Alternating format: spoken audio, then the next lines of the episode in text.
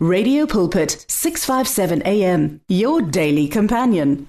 Hello, welcome to the show. My name is Pastor Kenny Mukwena. And it's time for you to experience the blessing. Let's start with the word of prayer as we always do. Father, thank you so much for every person under the sound of my voice. We thank you, Lord God, for the power of the Holy Spirit who is always at work every time when we gather like this. I thank you, Lord God, that every need, Lord God, is met right now according to your riches in glory by Jesus Christ. I declare divine health upon every person that is listening to this show today in the name of Jesus Christ. Amen and amen. Hallelujah to Jesus. I'm excited about the conversation that we are on right now. We started a new series, you know, of conversations titled The Reality of Christianity. And um, in the previous episode, we spoke about how so many people define Christianity. You know, it's so, it's, it's one of the reasons why, you know, um, um, other religions are still challenging the power that we have, you know, as Christians is the fact that as Christians we lead a, we live a very very very timid life. In fact we live life far far far far below who we are as Christians we make our lord you know to to to look to look so weak. Even some of the pictures that we we see of of Christ it looks like just this this weak person. No no no. He's meek not weak. There is a difference. He's he's, he's very very powerful. And the same power and boldness we saw him demonstrating when he walked the streets of the earth possessed by the holy spirit. That's the same boldness and confidence we as Christians should carry. And I tell you now this is what I see God doing right now. God is unveiling the mystery of Christianity so that all of us walk in power. Listen you can get born again today and when you embrace who you are as a Christian and realize that according to Ephesians 5 verse 30 you are so powerful as a Christian. You are empowered to live above circumstances because when Jesus Christ died on the cross you know one of the things you need to understand about the gospel is that you know for a very long time we we we, we Christianity is focused on the death of Christ. And we we we we do not emphasize the power of his resurrection. If you look, if you look at the apostle Paul in in Philippians chapter 3 when you read verse 10 it talks about knowing Christ. He says and the power of his resurrection and the fellowship of his suffering. That if by any means I may attain the resurrection from the dead. So the apostle Paul emphasizes the importance of Christ's resurrection. That is why also when he prays in Ephesians uh, chapter 1 when you read verse 19 he prayed that the church may understand the exceeding great power you know which is at work in and through believers according to the working of his mighty power which God worked in Christ when he raised him from the dead. So how you need to understand actually let me let me just read the scripture in context because there's a certain part I want us to to deal with. So when you read first Corinthians chapter 15 um uh, verse 1 to 4 I'm going to read this in the amplified uh, classic edition. The apostle Paul says now my brothers and sisters let me remind you once again of the good news of salvation which I preach to you which you welcomed and accepted and on which you stand by faith. So the first thing i want you to understand is that for you to experience the reality of christianity you need faith my brother my sister. It is by faith that we have been saved. The bible says we have saved by grace through faith. Ephesians 2 verse 8 we were saved by grace through faith not of ourselves. It is the gift of god not of works lest any man should boast. So if you look at this scripture the apostle paul says he's talking about the good news which which which the corinthians church welcomed and accepted and on which they stand by faith. So if you want to understand and, and and and partake of the reality of Christianity you need faith. Without faith you cannot go far in Christianity. One of the reasons why people are living such Christians are living such a a a, a mediocre Christian life is because of lack of faith. And many people just take faith as something that happens in the mind. No faith does not happen in the mind my brother my sister. Faith happens in your heart because it is out of your heart where God has imparted so much power. That's why the bible says that tells us to guard our hearts with all diligence because out of it flows all the issues of life. The apostle Paul in Galatians 3 verse 3 ask a question. He says did you receive the, the the spirit by the works of the law or by the hearing of faith? And then in verse 5 it says he who works uh, who he who ministers the spirit and work miracles among you does he do it by the works of the law or by the hearing of faith? I want you to underline hearing of faith. We see this in galatians 3 verse 3 and galatians 3 verse 5 the apostle paul talks about the hearing of faith. Because when you hear the good news men i tell you the good news must must must activate and provoke something in your human spirit um, um one of the ways in which i define how faith comes is how the new living translation uh, uh, puts um romans 5:17 uh, is it romans 5 uh, um, 17 the scripture that talks about yeah i think it's romans 5:17 uh, faith 10:17 faith comes by hearing faith comes by hearing. The new king james says that is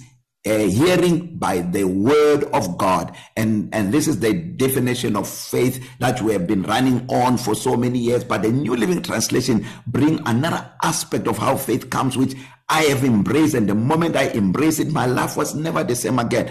It says Faith comes by hearing, and that is hearing the good news about Christ. Hearing the good news about Christ must impart faith into your human spirit. Because let me tell you, it is the gospel that carries power, and the gospel has nothing else to do except the Christ who was crucified and who rose from the dead. That is why the apostle Paul says, him we preach, warning every man and teaching every man in all wisdom that we may present every man perfect in Christ Jesus. The apostle Paul says, we preach Christ and him crucified. So we need to, we need to start of course with Christ's death, but you don't get stuck there.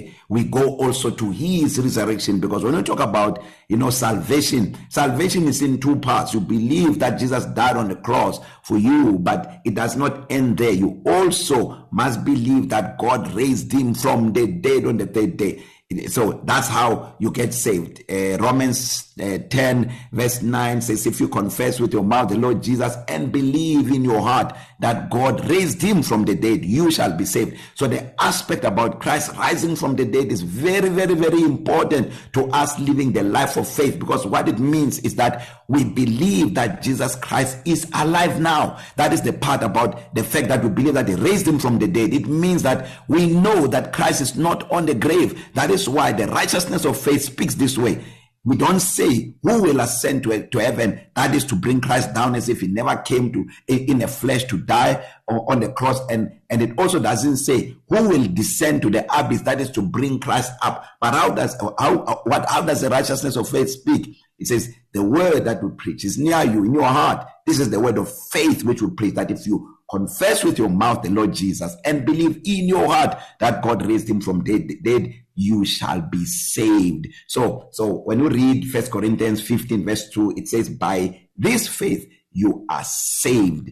If you hold firmly to the word which I preach to you, unless you believed in vain, just superficial and without complete commitment. This is, this is what the Amplified say. So what I want you to understand is that when you say you're a Christian, it means you believe that Jesus Christ is alive, not in heaven, but inside you. And therefore you also live inside him. This is intimacy. This is koinonia. This is fellowship. This is participation. This is oneness. It means as Christ is so are we in this world. Man this is so powerful that is how I define Christianity in accordance with Ephesians 5 verse 30 that I am a member of his bones, of his flesh, and of his body. It means as he is, so I am in this world. It means I carry the same power that Jesus Christ carries. It means that the same results that he bore when he was still on this earth is the same results I have now. Even now, as he seated at the right hand of the Father, having defeated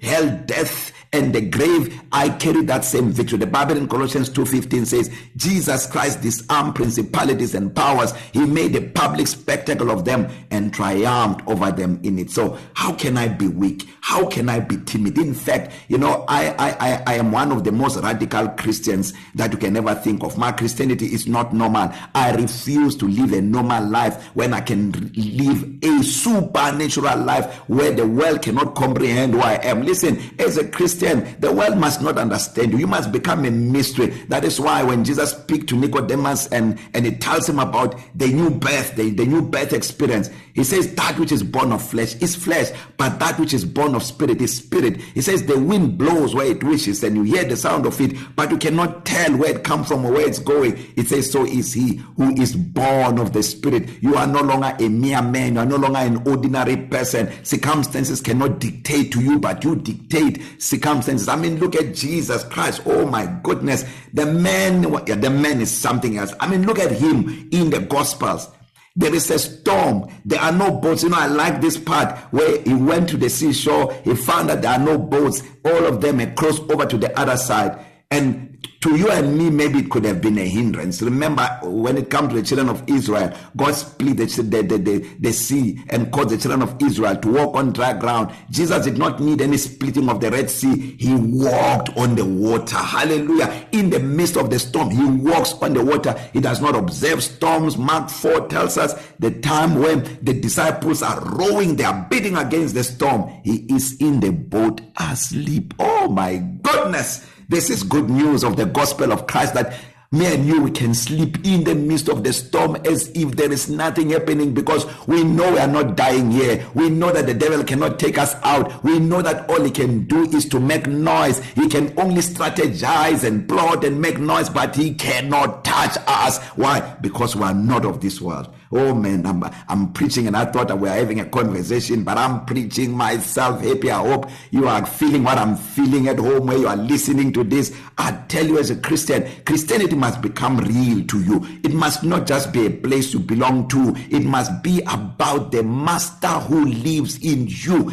He is so powerful I tell you when God gave us the Holy Spirit we became different. That is why for us you know we, we we do not look at things the way the world look at things. We do not adjust to the customs of this world. We are possessed by the holy spirit. We are possessed by the power of god. We live in the word of god. We chew on scripture day and night. I like what um, um, the book of psalm 1 verse 3 tells us about the life of a christian. Because when you are a christian you must delight in the word of god. When you are a christian and you do not find or delight in the word of god i promise you you're going to be a weak christian. You're going to struggle from one disaster to another instead of of of of of thriving from one glory to glory. Remember the bible says the lord is the spirit second corinthians 3 uh, verse 17 the lord is the spirit and where the spirit of the lord is there is liberty. And then it says we all with unveiled face beholding as in a mirror the glory of god and we become transformed from that one degree of glory to another. That's you and me we are so so powerful. We live above circumstances because we are born from above. How can you be born from above and you are under the circumstances? Jesus in the book of luke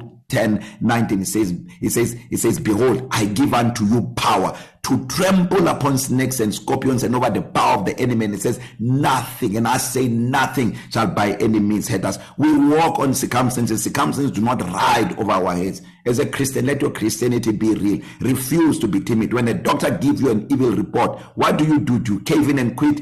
Proverbs 24:10 says if you fall to pieces in a crisis there wasn't much to you in this in the first place your Christianity is superficial. Your Christianity is in the surface. When you are deep in Christianity I tell you I tell you now it's not possible for you to cave in and quit because someone greater lives in the inside of you. And I want to pray for you right now. If you are not born again of not made Jesus the Lord of your life it means it means you have not stepped into newness of life. You have not understood life for what life is. Life begin when you say yes to Jesus. That is why the bible in the book of John 14 in verse 6 Jesus says I am the way the truth and the life. He says I am the life.